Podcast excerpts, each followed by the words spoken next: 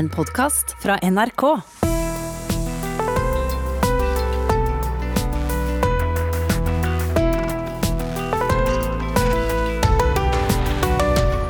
Om du ler av grevinnen og hovmesteren, gråt av Love Actually eller hater begge deler.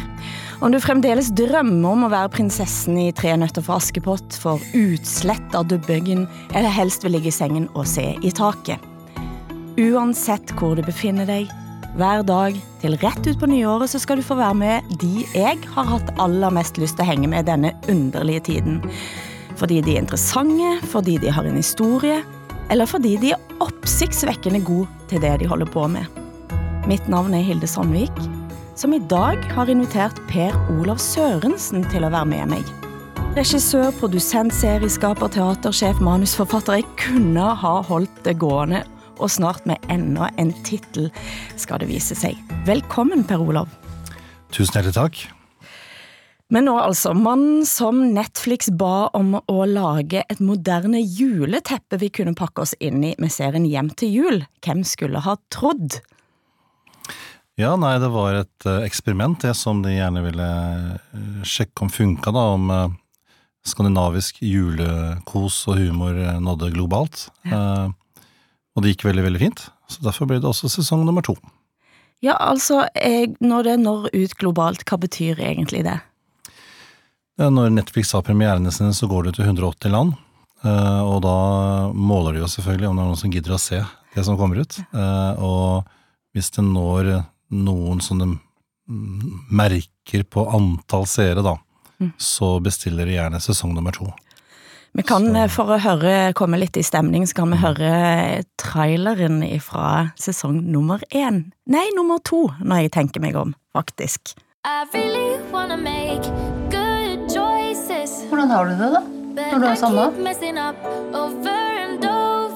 Jeg føler meg trygg. Han er sjenerøs. Jeg ler mye sammen. Han er veldig morsom. Så Vil han ha deg, da? Uh.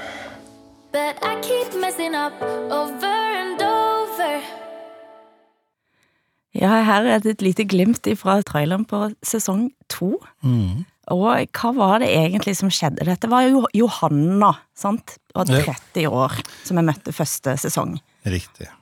Det er um, Jeg kan ikke Ja, nå er det sikkert noen som ikke har sett en eh, sesong to når vi nå snakker sammen, så jeg kan ikke si for mye, men eh, vi, vi følger Johanne eh, videre i hennes liv for å finne både kjærligheten og seg selv. Ganske sånne enkle men også eksistensielle spørsmål. Skal jeg få barn? Er det ok å bo aleine? Skal jeg få meg kjæreste? Så når vi satte i gang sesong én, så var det liksom ok, er det, er det interessant nok? Så når jeg, før jeg så, sa ja til jobben, så spurte jeg i hvert fall 30 kvinner rundt 30 om er det her en problemstilling, og alle sa ja. Da tenkte jeg ok, da gjør vi det. Så det er nok, selv om det er en veldig enkel, sånn, et enkelt grunnfjell av denne historien, så er det store spørsmål, da. Nei, for jeg, jeg, jeg, må innrømme at jeg raste gjennom eh, sesong én nå på en kveld. Mm. Eh, og blandingen av at jeg var irritert, og altså, denne mora til Johanne som jeg bare tenker ja, dette er en fortidslevning, en holder ikke på på den måten å mase på dattera si om å få gifte seg og få kjæreste og få barn, men du mener at det er, det er sånn, sånn, det holdes på rundt om i hjemmene? Det er ikke alle, tror jeg, men, men det sosiale presset fra familie, det er definitivt helt riktig. Mm. Det trenger man ikke så mye heavy empiri for, tror jeg. Det er riktig. Eh, moren, da, som er uh, denne personen i sesong én, hun endrer seg litt da, i sesong nummer to. Ja. Så, så, der er hun kanskje litt mer moderne. Men det var veldig gjenkjennelig hos uh, veldig mange at uh, det er et sosialt press, et familiepress, et vennepress. Hvis man er noen og 30, singel, ikke barn, ikke mm. kjæreste, så, så, er den samtalen veldig lett å ta, da. Mm. Så, men selvfølgelig, vi lager jo drama, eh, og skal spisse karakterene, så I sesong én fikk moren denne jobben. Ah. Jeg må også spørre deg, eh, denne eh, Stavanger-gutten som jeg ikke nå husker navnet på, som i første sesong, da, altså disse Love Actually, Ja. var det et sånn indre trykk hos deg sjøl? Oi, ja. Var det, var det om jeg er han? Ja. Eh, Nei, Love Actually er eh, faktisk eh, en av mine favorittfilmer, det. Er det det? ja? Men, jeg, men en av manusforfatterne uh, skrev den scenen.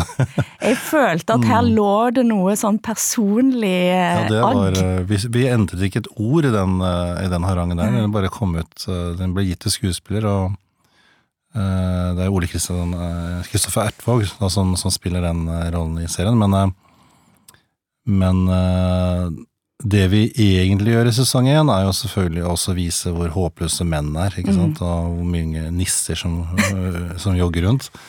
Um, så det tror jeg vi også har fått liksom mye ros for, da, at det er eh, sett fra en kvinnes ståsted, eh, og med når da Ida Elise Broch er en nærbilder, så, så er det lett Det er å. Ja, så er det lett å se at hun har et, en, en ironisk distanse til mange menn, Eh, og det er veldig morsomt. Altså, en av de største nissene er jo svogeren.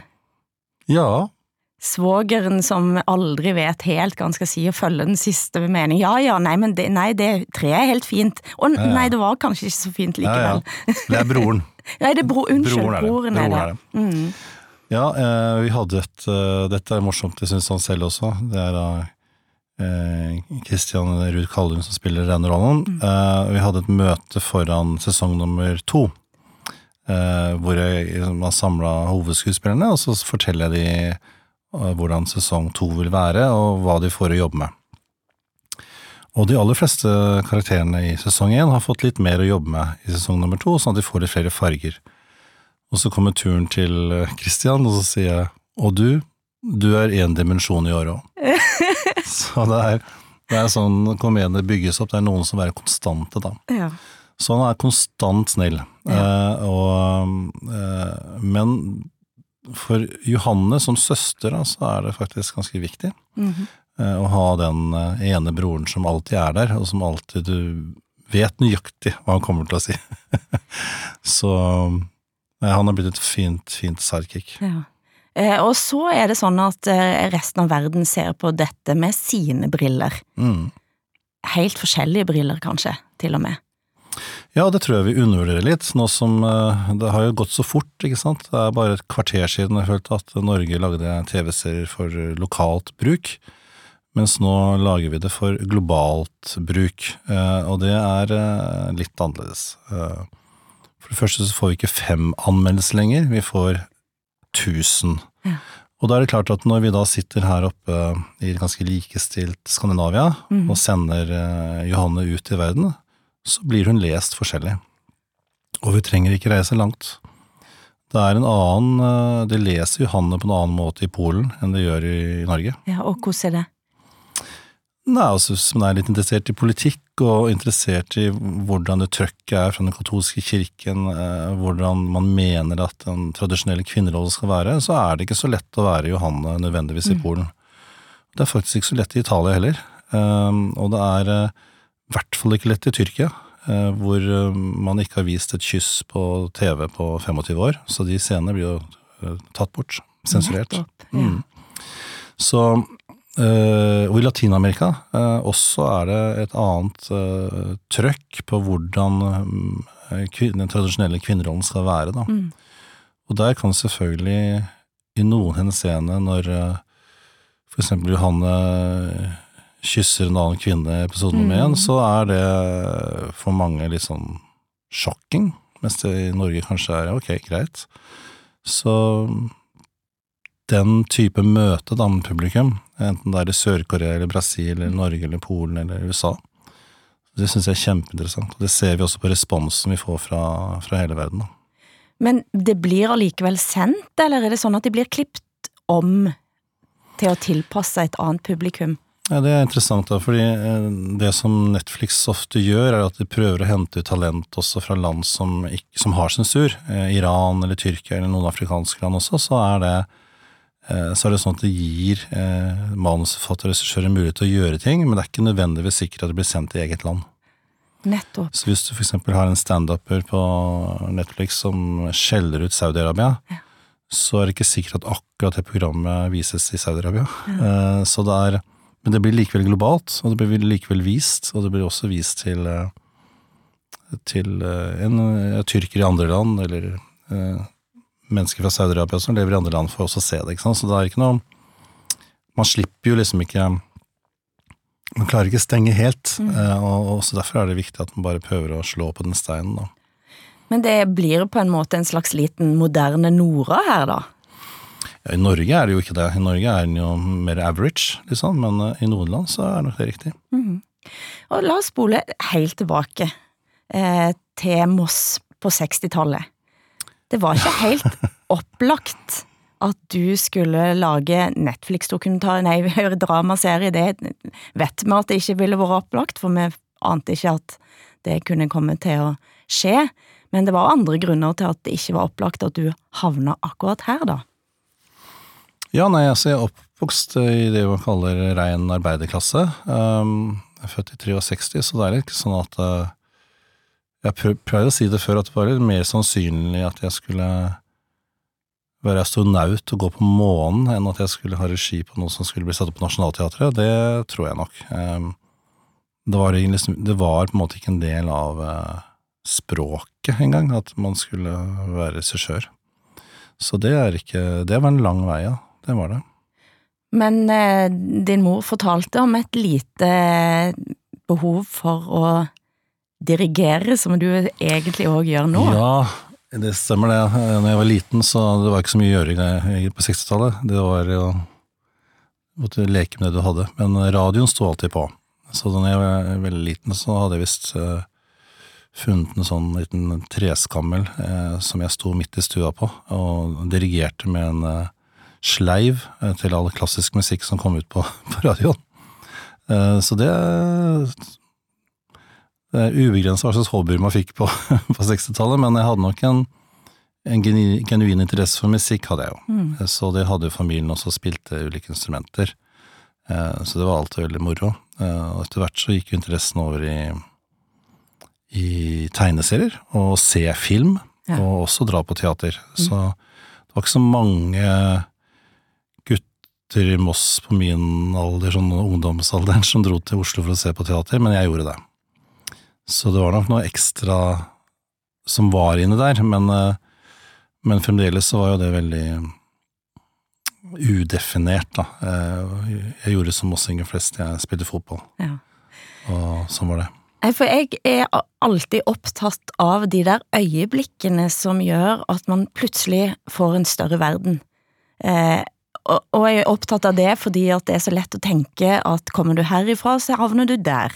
Eh, dette er ikke en mulighet når en ikke har den type bak, bakgrunn.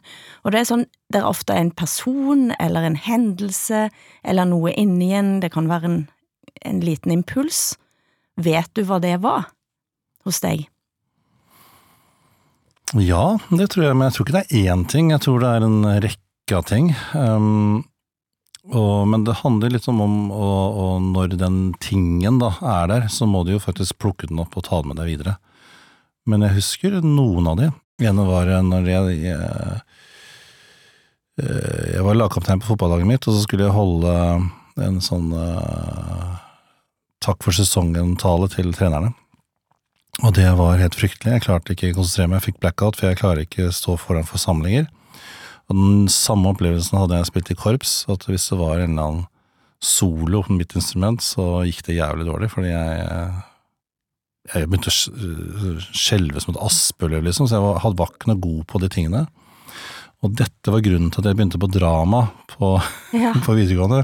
For jeg kunne ikke liksom leve resten av livet med å besvime foran folk. Det kunne jeg ikke.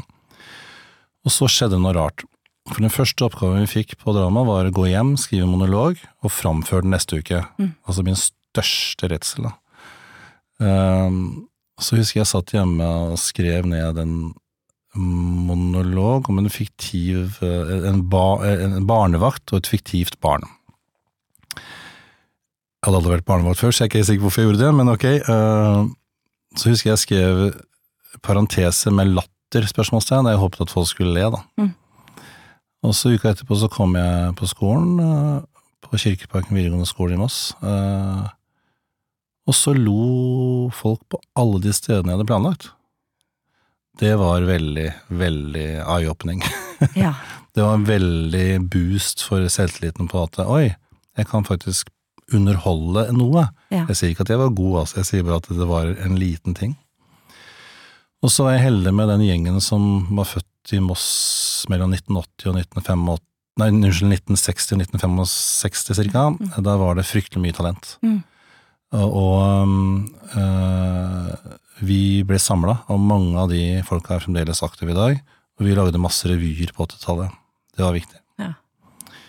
Den andre viktige tingen var at jeg ble regiassistent for Stein Winge i 1989.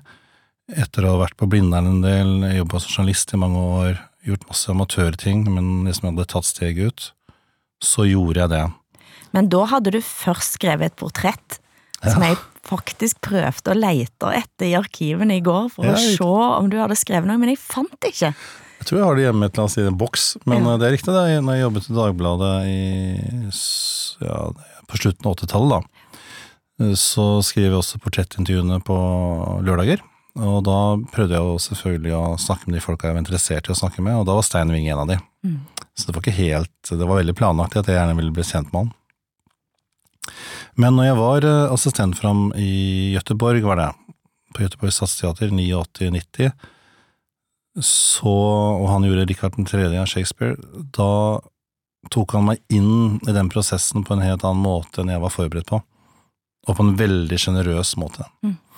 Så når han da reiste til USA eh, året etterpå eh, og gjorde Villand, så var jeg med. Så de to tingene der var eh, viktig fordi Stein eh, var så flink til å kunne si i kantina, liksom, hva syns du, Per Olav, om den og den Mm. scenen, og så kunne jeg og da følte jeg meg egentlig bare som en slags Harry fra Moss. eh, at ja, dette det, for eksempel. Og så gjorde han det etter pausen, ikke sant. Og, sånn at det, det var liksom beviselig at den ideen kunne fungere. Jeg hadde jo ikke apparatet til å kunne formidle sånne ting selv, ikke sant. for Jeg var ikke, var ikke der, liksom. Men samtalen med Stein da ble veldig, veldig viktig for meg, fordi han viste at ideer er ideer, og ideer kan testes. og Noen er gode, noen er dårlige, men eh, det var noen av de som funka, og det var kjempeviktig.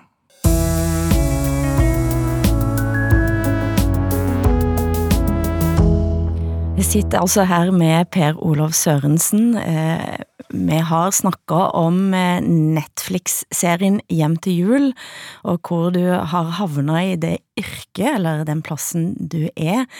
Eh, Men du har òg sagt at kanskje det å lage kjærlighetsdrama eller juleserie er noe av det modigste du har gjort. Men det aller modigste, hva var det? Og på TV så var det aller modigste halvbroren. Det var ikke noe å lure på. Vi kan høre et lite klipp for å sette oss litt i stemning.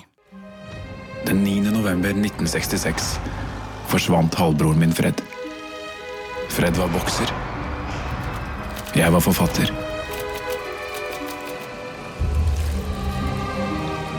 Unnskyld meg, unge dame. Jeg så dem allerede i Majorstua, men jeg kunne ikke ta mine egne øyne bort fra dem. Før jeg kom til verden, så var det bare mamma, pappa og Fred. Og så Bjuken, da.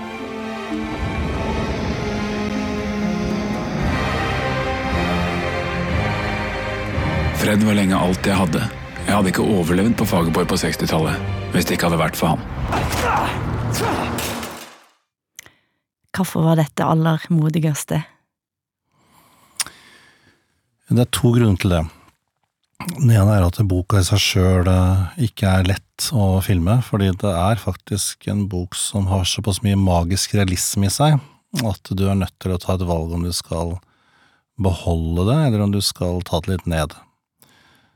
Det andre boka er at den er full av ekstremt sterke karakterer som ser annerledes ut, kler seg annerledes, som gjør at det bryter veldig med det kravet til realisme da, som, som TV-seeren og anmelder ofte søker. Så det siste er språket til Lars er at det er jo forhøyet. Eh, og ved å ta bort alt av Lars sin signatur, så vil vi også miste signaturen ved boka. Så vi måtte finne en balansegang mellom poesien i språket hans var et slags hverdagslig språk. Og det fiksa Mette Bølstad veldig, veldig, veldig fint, syns jeg. Men det som var i tillegg, var at stemningen rundt norsk drama var så, for å si det pent, dårlig. At det var snart ikke noen som turte å lage drama lenger, fordi anmelderne sto i flokk liksom med kniv og øks, og det var eh, de siste seriene som hadde gått på NRK og TV 2 og, og sånt, og hadde fått så øra flagra. Eh, så alle var jo bare kjempenervøse. Hva, hva var nå dette slags tid? Hva var det vi pleide å se på TV på den tiden? Husker du det, uten at en skal Nei, jeg kan i hvert fall si at det var eh, alt som var fra utlandet var bedre enn Norge, da. Mm. Danskene var bedre, svenskene var bedre, amerikanerne var selvfølgelig bedre. og De er jo fremdeles også ofte bedre. Eh, Så vi hadde på ikke verken selvtilliten eller kanskje også kompetansen heller til å lage de seriene som, som fikk eh, de høye terningkastene. terningkastene. Så det er klart, når vi våkna dagen etter premieren, det var jo fremdeles lineær-TV, da. det er ikke lenge siden, det var jo premiere i 2013 eller noe sånt. Um, nei, det er bare syv år siden, en helt annen tid. Uh, Det føles jo, forferdelig lenge siden. ja, ja, ja. Ja. Så var vi selvfølgelig ganske letta av at det var femmer og seksere. Så det var uh, det, Og det var viktig, faktisk, at den serien fikk det. Mm. For hvis den serien også hadde fått uh, så øra flagra, så tror jeg selvtilliten hadde nesten forsvunnet i bransjen, liksom. Så det var superviktig at vi kom ramlende på med beina ordentlig. Mm. Så det var, en, det var rett og slett eh, en, en middels tid å lage, lage TV-serie, men det var også et vanskelig prosjekt. Mm. Så jeg syns um, Da jeg hørte på traileren så kjente jeg bare at jeg ble sliten.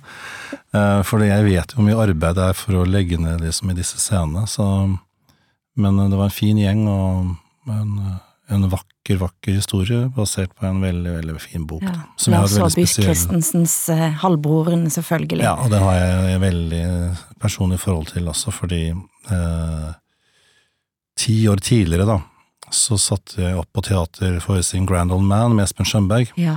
og det er 50 sider fra boka, Ja. før boka kom ut. Dette er Freds historie? Eller Arnolds- Arnolds, historie, Arnolds mener jeg. historie, stort Mm. sett. Eh, men det er ikke bare det. Eh, Mm. Så når Espen eh, gjorde den på scenen, så spilte han jo alle de andre karakterene også rundt Mm. Arnold, og særlig rundt sirkuset, da, som Mm. var en liten del av vår serie. Mm. Så det er- Men jeg eh, biter meg jo ofte merke i skandinaver eh, som eh, er rundt i norske filmer, og jeg liker, jeg liker jo veldig godt at Gita Nørby dukker opp igjen og igjen hos deg, Ja. eh, og har vært med mange ganger. Hvor mange ganger har du jobba med Gita Nørby? De ja, minst fire prosjekter. Mm. Uh, pluss at vi har gjort litt ting på teater sammen nå. eh, og um, Så det har blitt ganske Hun er, blitt en, hun er en veldig god venn, og eh, jeg pleier å si det at eh, en, en, en lø Har du en lunsj med Gita, så lærer du ganske mye om teater og film. Eh, så det er um, Nei, hun er For det første så er hun jo fantastisk god, da. Det er jo ikke noe å lure på. Så, Ja, for det er sånn hjem til jul òg, så tenker jeg at Ja. når hun kommer inn, så bare er det akkurat som om hele skjermen lyser opp. mm, Det, det begynner å leve, og, og, og Johanne-karakteren begynner å leve på en helt annen måte, og en enda tydeligere og spiss måte. mm. Uh, gjennom denne Her er det jo en gammel kolspasient som uh, var ei dame, som en grand, grand old lady, som ligger i sykesengen. Men det er faktisk veldig godt observert, da. Fordi når man caster til eh, serier og filmer, så, så bruker man jo veldig mye tid på de store rollene, sånn at vi kan ha den faglige samtalen fra vi starter og underveis under, under um, produksjonen, da. Men når du skal hente inn de store birollene, så er det ikke alltid at du får så god tid, eh, og de må kanskje være på settet i fire dager istedenfor 40. Ja. Eh, Så det jeg pleier å gjøre, er at når, når jeg har biroller i den kategorien der, sånn, så caster jeg ganske heavy. Ja. Eh, Så da kommer det inn folk som virkelig kan jobben sin. Og det er to grunner til det. Den ene er tiden. At du kanskje ikke får alle de samtalene du ønsker. Mm. Men det andre er energien de skal gi til settet. Så du kan på en måte ikke organisere dagen slik at når det kommer noen folk inn fra ytre høyre på fire-fem dager, at de suger energien ut. De må gi energien inn til eh, hovedroller særlig.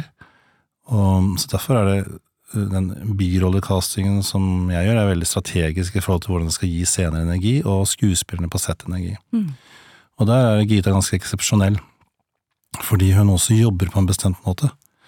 Hun sitter jo ikke i kantina, liksom. Hun sitter to meter unna sett hele tiden. Hun liker å se hvordan lyset settes, hun liker å se hvor kameraet skal stå. Hun liker å være inne i den gjengen som rigger ferdig til scene. Så når vi sier klart sett, da, så er hun der på to sekunder. Ja. Uh, og det gjør også at uh, du sparer energi, og, og hennes fokus gir også fokus inn i scenen. Ja.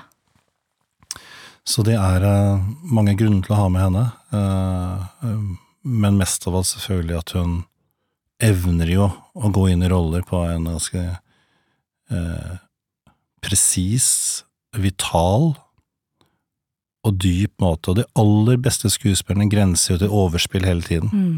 De, de gjør det nesten alle sammen, men de er ikke der. De er bare rett i kanten. Ja. Fordi du må også være synlig for å kunne liksom være, være en karakter, da.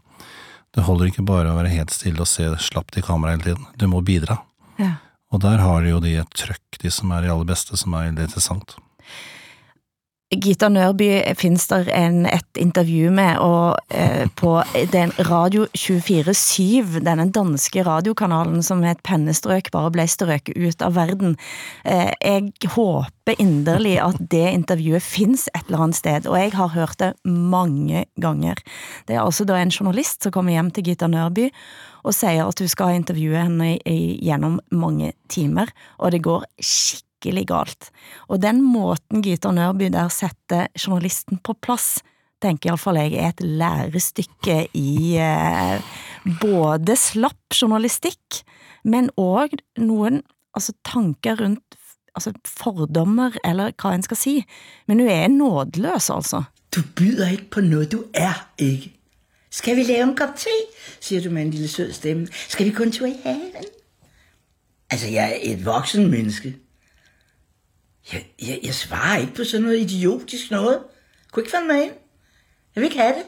Ja, dette er jo et uh, nesten et verdensberømt intervju. um, nå har jeg fått Gitas versjon av det, da. Det var jo i, i dansk media så var det først at hun var uh, slem, men så fikk hun plutselig uh, 'Vi heier på deg, Gita'. det, det snudde jo. Men um, det som, Jeg skal ikke snakke for mye om det, for jeg har liksom hørt litt personlige ting også om disse tingene, men, men jeg vet at uh, hun følte vel Hun følte seg invadert i eget hjem, og mente at journalisten var uhøflig. Og da smalt det. Så, men det blir underholdende, da. Det ble det. Men når du hørte det, kjente du igjen eh, henne som person? Og jeg vet at hun kan si ifra, ja, men, øh, men vi har aldri hatt de diskusjonene, vi. Vi har egentlig bare vært venner hele tiden. Men ja da, jeg vet hun kan nå dit. Men øh, det handler jo om Man må jo behandle hverandre med respekt og en slags ydmykhet og hverandres roller i en produksjon. Eh, Og det er for meg ikke så veldig vanskelig å være ydmyk overfor hennes prestasjoner og hva hun kan. Så det, det handler jo om tillit, og det, det tror jeg ikke journalisten og Gita hadde til hverandre den gangen. Men ja, da, jeg vet at hun kan smelle til. Det er jo det samme med, en, med min eh, også en eldre venn, da, Espen Skjønberg. Han er jo, kan jo også si fra. Eh, Men når vi har jobbet sammen i mange mange år, og på mange prosjekter, så har det gått veldig fint. Det handler om Jeg tror egentlig det handler litt om interessen for faget. Jeg er veldig sånn fagpunch, og snakker mye om fag. Og inne der finner vi liksom eh, steder å besøke i samtalen, som er veldig fint. Nei, for jeg eh, må innrømme at jeg hørte det intervjuet, og den måten å si fra da, så tenkte jeg at jeg savner det sånn i, i offentligheten. Ja. For vi er blitt så redde for at folk skal kunne si fra. Og det å si fra handler ikke det òg like mye om, om å sette den grensen, da, og, og, og ha en stor integritet, tenkte jeg, da jeg hørte på det. Jo, så handler det også om å være menneske. Eh, Jeg pleier å si det, for det er jo sånn at det er ikke sånn at eh, du er i en produksjon i 150 dager, liksom, og som regel så er jeg ganske fokusert og stille og rolig, men det hender jo at, jeg, at det er dråpen, liksom, og at man klinker til. Og da er det viktig at omgivelsene også vet at eh, det kan ha skjedd mye den dagen. Er kanskje en dråpe som kommer som ingen ser, og så kommer det feil ut, og det kommer til mennesker som definitivt ikke skulle hatt den hårføneren. Men eh, da ber man om unnskyldning, og så prøver man å gå videre. Og så er det jo sånn når du jobber med folk over lengre tid. På jobben er det én ting, men hjemme så er det kanskje noen som er syke. Kanskje de er i en skilsmisse, kanskje er eh, noen gått bort. Kanskje de har fått en dårlig melding fra legen. Um, kanskje er det bare en ræva dag. Og det må vi ha litt større rom for å kunne ha. Det er, eh, det er ikke interessant nødvendigvis at man skal gå og være happy all the time. Det er, det er eh, fint selvfølgelig hvis noen klarer det, men det handler jo om å være mennesker. Og det vi filmer, enten det er eh, i Nobel, eller det er i Halvbroren, eller det er i Hjem til jul, det er jo mennesker i ulike situasjoner. Og da må vi ha tilgang til det apparatet. Vi må ha tilgang til det smilet, vi må ha tilgang til sinnet, vi må ha tilgang til sorgen. Og da er det jo meningsløst å late som den ikke eksisterer når vi jobber sammen. Den er en del av hverdagen. Og så må man også behandle den privatsfæren som vi får besøk av på settet hver eneste dag, med respekt og med, og med hemmelighet. Altså at det er her blir det. Men vi skal likevel jobbe sammen om tre minutter. Vi skal likevel filme den scenen om tre minutter, selv om du nå har det jævlig. Så jeg er helt enig med deg. Det finnes, må finnes rom til å være usympatisk en dag. Det er For Gita så kom det da ut dessverre til millioner av lyttere, da, at hun var, hadde en, en dag hvor hun følte seg invadert. Men det er jo en ekkel følelse, ikke sant? Man føler at uh, jeg har en dårlig dag, nå kommer noen tramper inn her, jeg har ikke lyst til å være her, jeg sier ifra. Og da kommer det jo ut, da, eh, hardt. Så jeg synes at vi må eh, ha rom for eh, temperatur, og rom for at man kan være et jævlig dårlig menneske en dag. Men så går man videre. Du kan iallfall hilse til Gita Nørby og si at hun har en eh, norsk fan som ble enda mer fan etter det intervjuet. Ja, det skal jeg gjøre.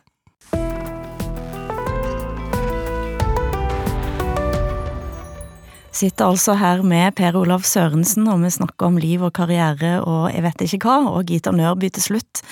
Men eh, du har eh, før Netflix jobba mer med norsk drama. Etter den første Halvbroren ble en suksess, så gikk du videre med nye historier om oss. Eh, Kampen tung, om tungtvannet var, eh, var den første store etter Halvbroren. Eh, og hvordan var det? Det var en fin prosess, um, særlig fordi jeg følte at vi fant en annen innfallsvinkel til historien, som, som ble, falt, ble fortalt fra tre og en halv side, pleier jeg å si. Eh, Fra Tyskland, England og Norge. Fra Hydros side, fra Heisenbergs side i Tyskland, som holdt på med atomvåpenprogrammet, og fra Tronstads side, som da skulle prøve å stanse produksjonen av, eh, av tungtvann, og litt fra sabotørenes side, men ikke så mye. Så jeg syntes at den, det triangelet inn i krigen egentlig var veldig interessant å gjøre, og det har vært mye diskusjon i det siste om norske heltehistorier og sånn, og Atlantic Crossing har brakt det hele, iallfall på bordet vårt. Ja, og det er jo historisk drama vi snakker om. Men det jeg kjente med Tungtvannet, var at vi hadde kun én, eller en, én av de historiene er helthistorier, og det er jo at det faktisk lykkes med det ene sabotasjeoppdraget, det som er så berømt.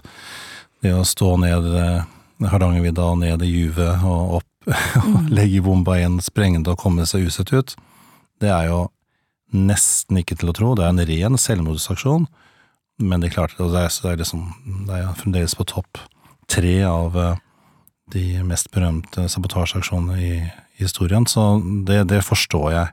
Men det er jo andre historier òg. Og Hydros historie syns jeg jo er ganske ærlig på, at eh, den var eh, litt spraglete, for å si det sånn. Um, Tronstads historie også syns jeg var tydelig på at det, var- han tok en del valg sammen med engelskmennene som kanskje ikke var nødvendige, vil mange si i ettertid, men som de likevel gjorde. For eksempel senkingen av ferja Hydro, da, hvor mange sivile døde. Og for så vidt også bombingen av Rjukan også, men det var mer et amerikansk initiativ. Og til slutt også Heisenberg, som, eh, som eh, i starten av krigen ble kalt eh, av, av nazistene den hvite jøde, og som i midten av krigen jobbet for atomvåpenprogrammet. Altså hvordan man klarer å snu og vende på seg og prøve å overleve da, i en sånn ekstrem situasjon. Så derfor synes jeg det var veldig moro å gjøre mm. Tungtvannet, fordi jeg følte hele tiden vi hadde en, en, ganske nyansert motor. Selv om det gikk fort, og selv om det var eh, storslagne scener og sånt, så følte jeg at regnestykket da, eh, gikk opp når det gjelder å fortelle historien fra forskjellige sider. Ja, og så er det noe med det at eh, de svarte er ikke helt svarte, og de hvite er ikke helt hvite. Mm. Det er mennesker som du følger, som du bare ser at Iallfall for egen følelse av at plutselig kunne jeg vært på feil side. Eh, fordi ja. at du det menneskeliggjør òg og det, da. Ja, det var viktig å, å, ha de private samtalene også i serien, eh, eh, hvor tvilen kommer fram, da, og hvor diskusjonen om rett og galt er til stede. Og det har vi, føler jeg, på alle de hovedkarakterene ganske grundig. Um, det er eh, Nei, jeg syns det var veldig moro å gjøre den serien. Eh, det fikk jo helt sinnssyke norske seertall.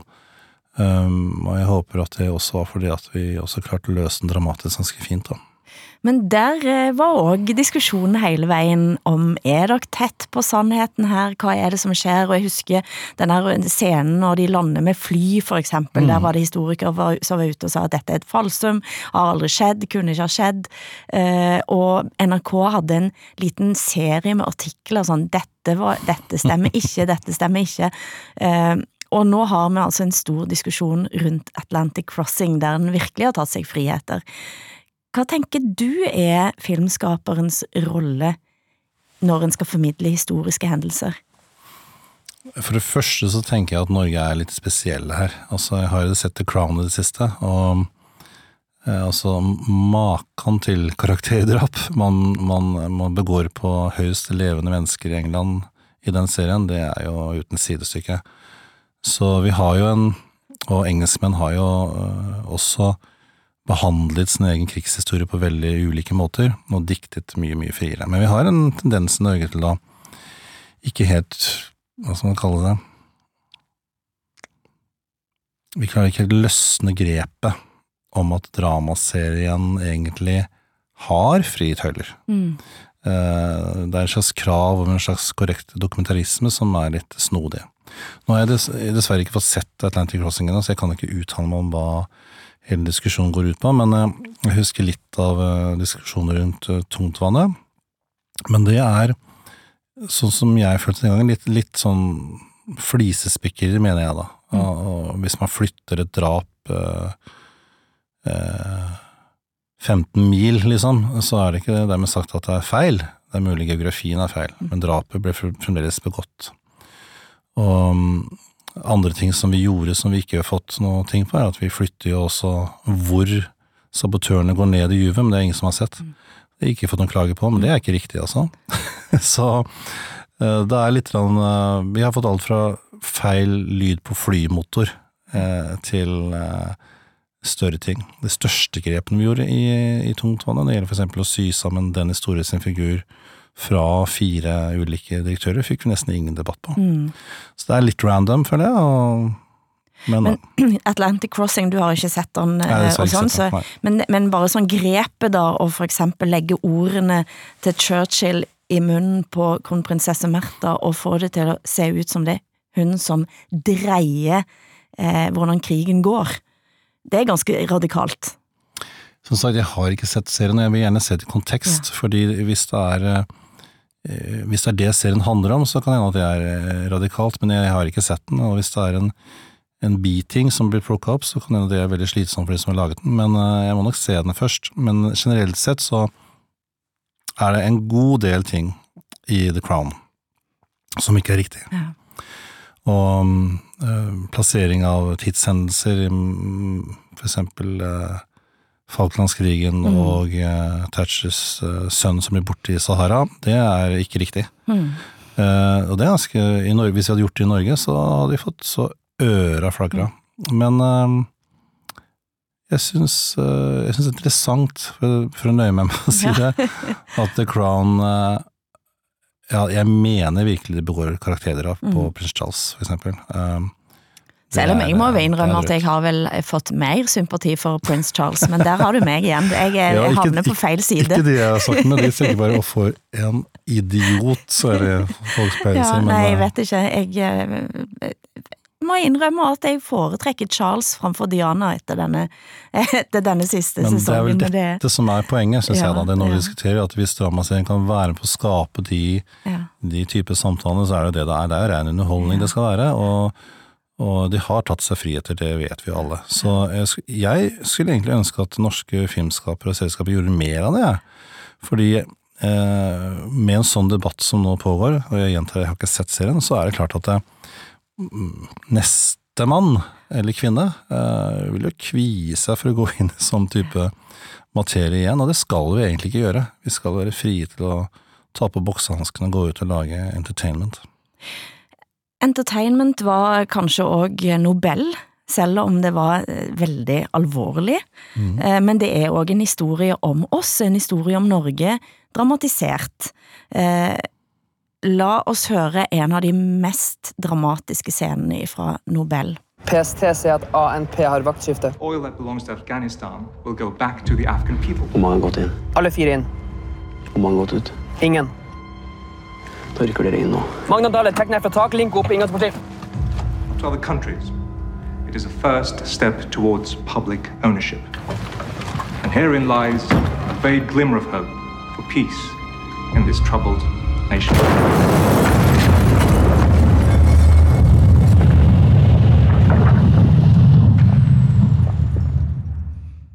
Her går det opp i et stort smell, hele det norske initiativet her òg i Afghanistan, vil en nesten si. Um, hva ville du fortelle med Nobel? Ja, da, det er det da i samarbeid med selvfølgelig med mannsfatterne Mette Bølstad og Steven Ulander, og også Håkon Briseid på um, Monster og Tone Rønning i NRK, det var liksom den gjengen som startet, men eh, initiativet om å gjøre noe om eh, spesialsoldater i Afghanistan, det kom fra meg. Og det begynte egentlig med at jeg syntes det var litt Jeg begynte å lese meg opp på at det var veldig mange norske spesialsoldater som hadde veldig store oppdrag, og jeg skjønte ikke helt hvorfor det, vi er et lite land. Og så fikk da ferten i at, eh, at Nato, og særlig amerikanerne, brukte norske spesialsoldater til ganske uh, heavy operasjoner, da. Samtidig som det var en veldig underfortalt historie i norsk media, at norske soldater gikk på skarpe oppdrag og tok livet av folk ute i verden. Eh, Det var jo ikke så opp i media, for å si det sånn. Så da så jeg det på den som mulighet kanskje å grave inn i det, og gjøre, det, gjøre noe rundt det der hvor kanskje journalistikken stopper litt, da. Eh, Få de uh, mm, informasjon uoffisielt om hva det her kunne vært, og det fikk vi veldig mye av fra soldater, og også fra ja, altså folk som hadde vært i tjeneste selv, og folk som var i tjeneste. Så den biten av det var veldig viktig. Og så kombinert, kombinerte jo serien eh, også det norske, som har vært liksom en, en slags norsk image da, i noen tiår, det, det norske fredsinitiativet. Og det har jo vært norske utenriksministre i, eh, i Kabul, som du sikkert vet, og i Afghanistan, som har prøvd å framforhandle fredsavtaler. Så her var det mye å hente. Det var liksom kombinasjonen av å være en At Norge er en fredsstue med mye oljeinteresser, eh, samtidig som vi sender ut eh, spesialsoldater på skarpe oppdrag. Eh, den komboen der sånn var veldig, veldig, veldig interessant for oss. Eh, Så måtte vi selvfølgelig personifisere historien eh, gjennom eh, da primært Aksel Hennie og Anders Danielsen Lie og Tuva Novotnys roller, på hver sin side liksom disse konfliktene, men, men for meg personlig så er nok Nobel et sånn type prosjekt jeg liker best, da. Hvor man kan kombinere drama med altså min gamle journalistbakgrunn og sånt, da, at man får gravd litt og undersøkt litt, og, og samtidig filme ting som er helt reelt, som faktisk skjer, men med et, et utgangspunkt som er subjektivt fra soldatens side, da. Så det liker jeg veldig godt. Altså, jeg må innrømme at òg da jeg så denne kanskje den største og første Netflix-serien din, Mm. Kvikksand, eller Ja. Størst av alt, Mm. så kjente jeg òg på den eh, journalisten i deg.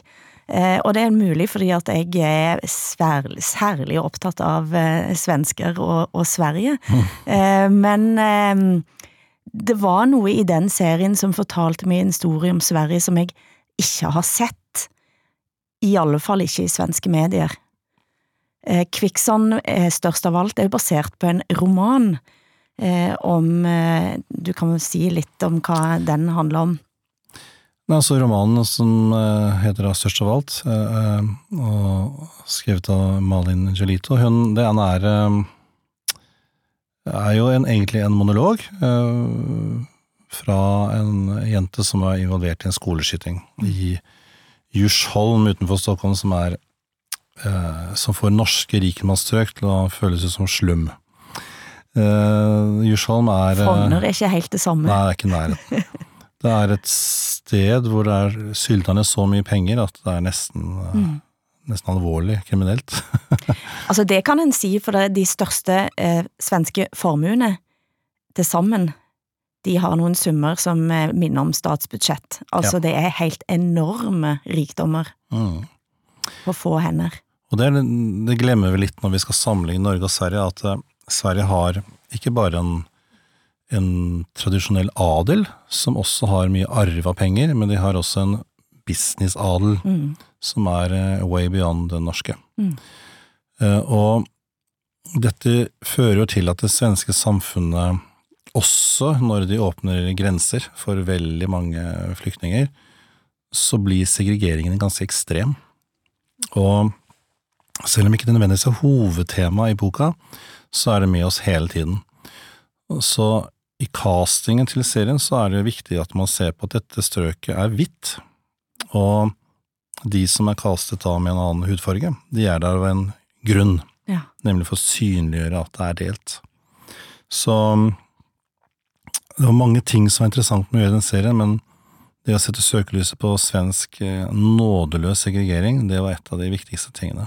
Ja, og det kom veldig tydelig til uttrykk. Såpass tydelig at eh, svenskene selv begynte å se på seg med noen andre øyne fordi, og briller. Mm. Og det kan jo av og til virke som at man lever fullstendig adskilt ifra den virkeligheten som man står i. Ekspressen eh, begynte å grave. Eh, og eh, du sendte meg et liten trailer som Ekspressen TV gjorde for en serie der de prøvde å avdekke hva skjer egentlig på Djursholm. Mm. La oss høre. Djursholm. Här bor fler miljonärer och miljardärer än på någon annan plats i Sverige. Expressen granskar nu den svenska elitens bostadsområde. Alla känner alla, alla är väldigt trevliga. bufflar sig fram i bilar och trädgårdar stenläggs och Då säger jag, men en man som slår den ska du lämna omedelbart. Då blir eh, svaret att, nej men hallå, men då kan jag inte åka till Saint-Tropez. att många har råd och kjøpe köpa droger. og och det är klart att det är en bit av sanningen. Jag tror att populärkulturen har en väldigt stark del i det här. Man brukar narkotika i slutna rum istället. stedet. man får ju direkt en slags stämpel när man säger att man är från Djursholm. Och den stämpeln är inte alltid rätt. Umgås du inte med någon i Djursholm som är boende där? Eh, faktiskt inte. inte en enda. Og den siste vi hørte her var altså Bjørn Ulveus fra ABBA, som, eh, har, som bor der selvfølgelig. Jeg leste en eh, ganske morsom artikkel i Nøyesguiden. Eh, Klara Poppeno Thor, som selv bor på Djursholm, eh, som gikk gjennom serien og lette etter feil, sa at det masse som er helt presist, blant annet at man har navn som Labbe, som selvfølgelig eh, står for eh, Lars Gabriel eller noe sånt. Eh, men, skriver hun, man kunne aldri finne på å ha en tvål fra Ica på badet. Nei, det er vel samme, samme diskusjon man har når man eh, lager halvbrun også, at eh, plutselig så finner du et sengetett fra, sengesett fra Ikea. Nei, vet du hva, det som er morsomt med, med Quicksand var jo nettopp det som du nå har spilt, at eh, den store diskusjonen kom etter at serien var sendt, at de på en måte ikke hadde hatt det som en slags tematikk engang, at, at Sverige er sånn. Eh, så det at måtte en nordmann til for å vise det, det syns jeg er litt morsomt. Jeg har lyst til å spille òg et lite klipp der Maja, hovedpersonen, snakker med sin venn Samir. Yes. Fatter du ikke at folk bare skulle tykke enda bedre om det om de bare visste? Alltså din mamma är undersköterska och din pappa kör taxi och du har tagit dig hela vägen hit genom att bara kämpa. Folk älskar sånt. Ja, de gör det. Nej men alltså Maja, du fattar verkligen ingenting. Det räcker med att kolla på Idol eller X-Factor eller fucking eh, Mästerbagaren eller vad det heter för att förstå att bakgrundshistorien är halva grejen. För om vi bara tog lite bättre hand om våra invandrare. Om de bara blev lite svenskare, om de bara pluggade lite mer, om de bara läste in sig på språket lite snabbare. Då skulle den amerikanska drömmen vara precis inom lagom räckhåll. Ni älskar den amerikanska drömmen och ni älskar Zlatan. Jävlar vad ni älskar Zlatan, Maja. Och då blir det liksom bara ännu bättre när Zlatan säger så här att jag har aldrig läst en bok eller att tjejer kan inte spela fotboll för det är ju så invandrarna är, eller hur? De är kvinnofientliga och de är obildade. Men ni gillar dem ändå för att ni är så jävla toleranta. Vilka är ni? Vi snackar hela tiden om ni tänker si, ni tänker så. Men vilka är ni?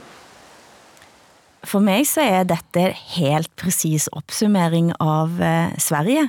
Og hvis man leser dette sammen med Zlatan-biografien, så får man ganske tydelig inntrykk av det svenske samfunnet. Ja, jeg syns også dette er en, um, en fin scene. Der um, det handler om unge mennesker sant, som prøver å finne tilhørighet, og prøver å finne et sted å, å kunne ja, være voksen i, og unge òg.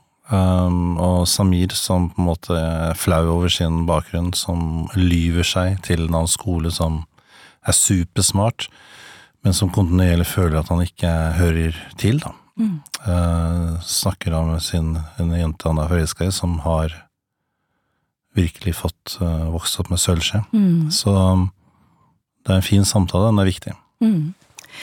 Jeg må spørre deg helt eh, nå på de siste minuttene på vei ut her, eh, hva skal du finne på nå?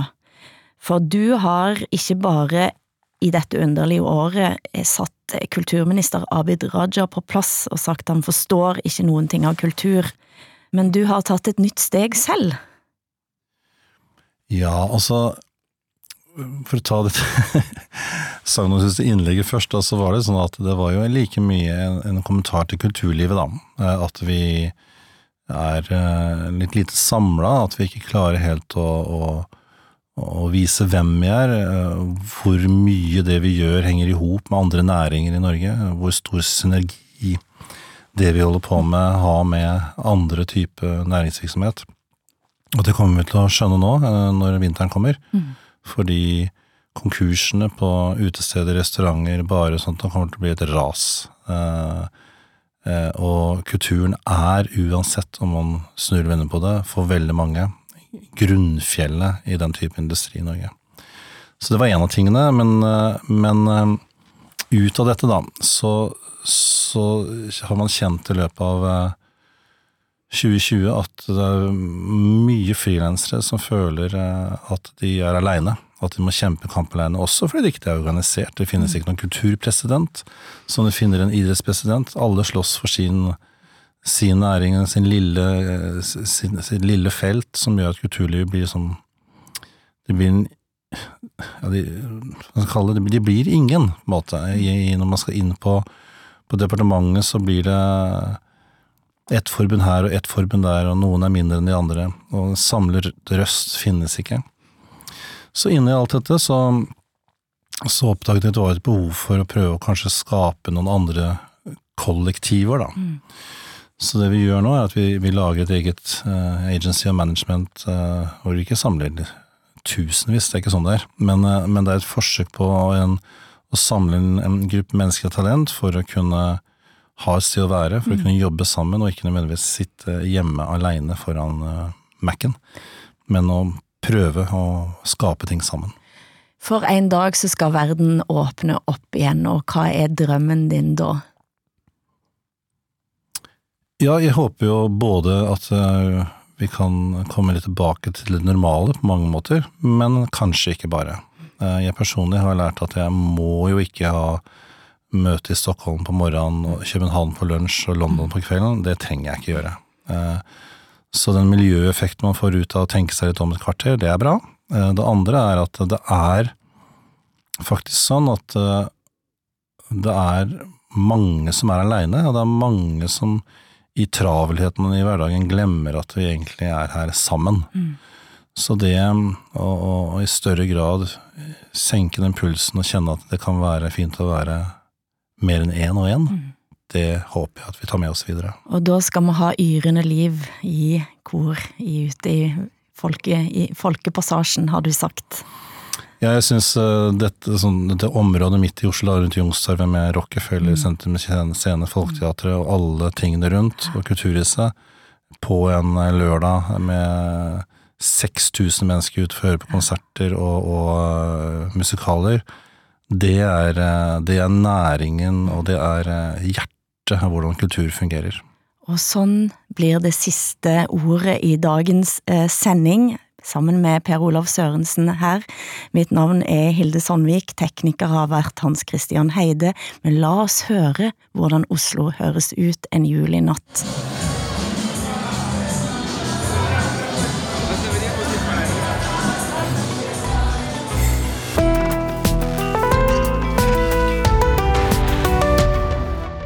Du har hørt en podkast fra NRK. Hør flere podkaster og din NRK-kanal i appen NRK Radio.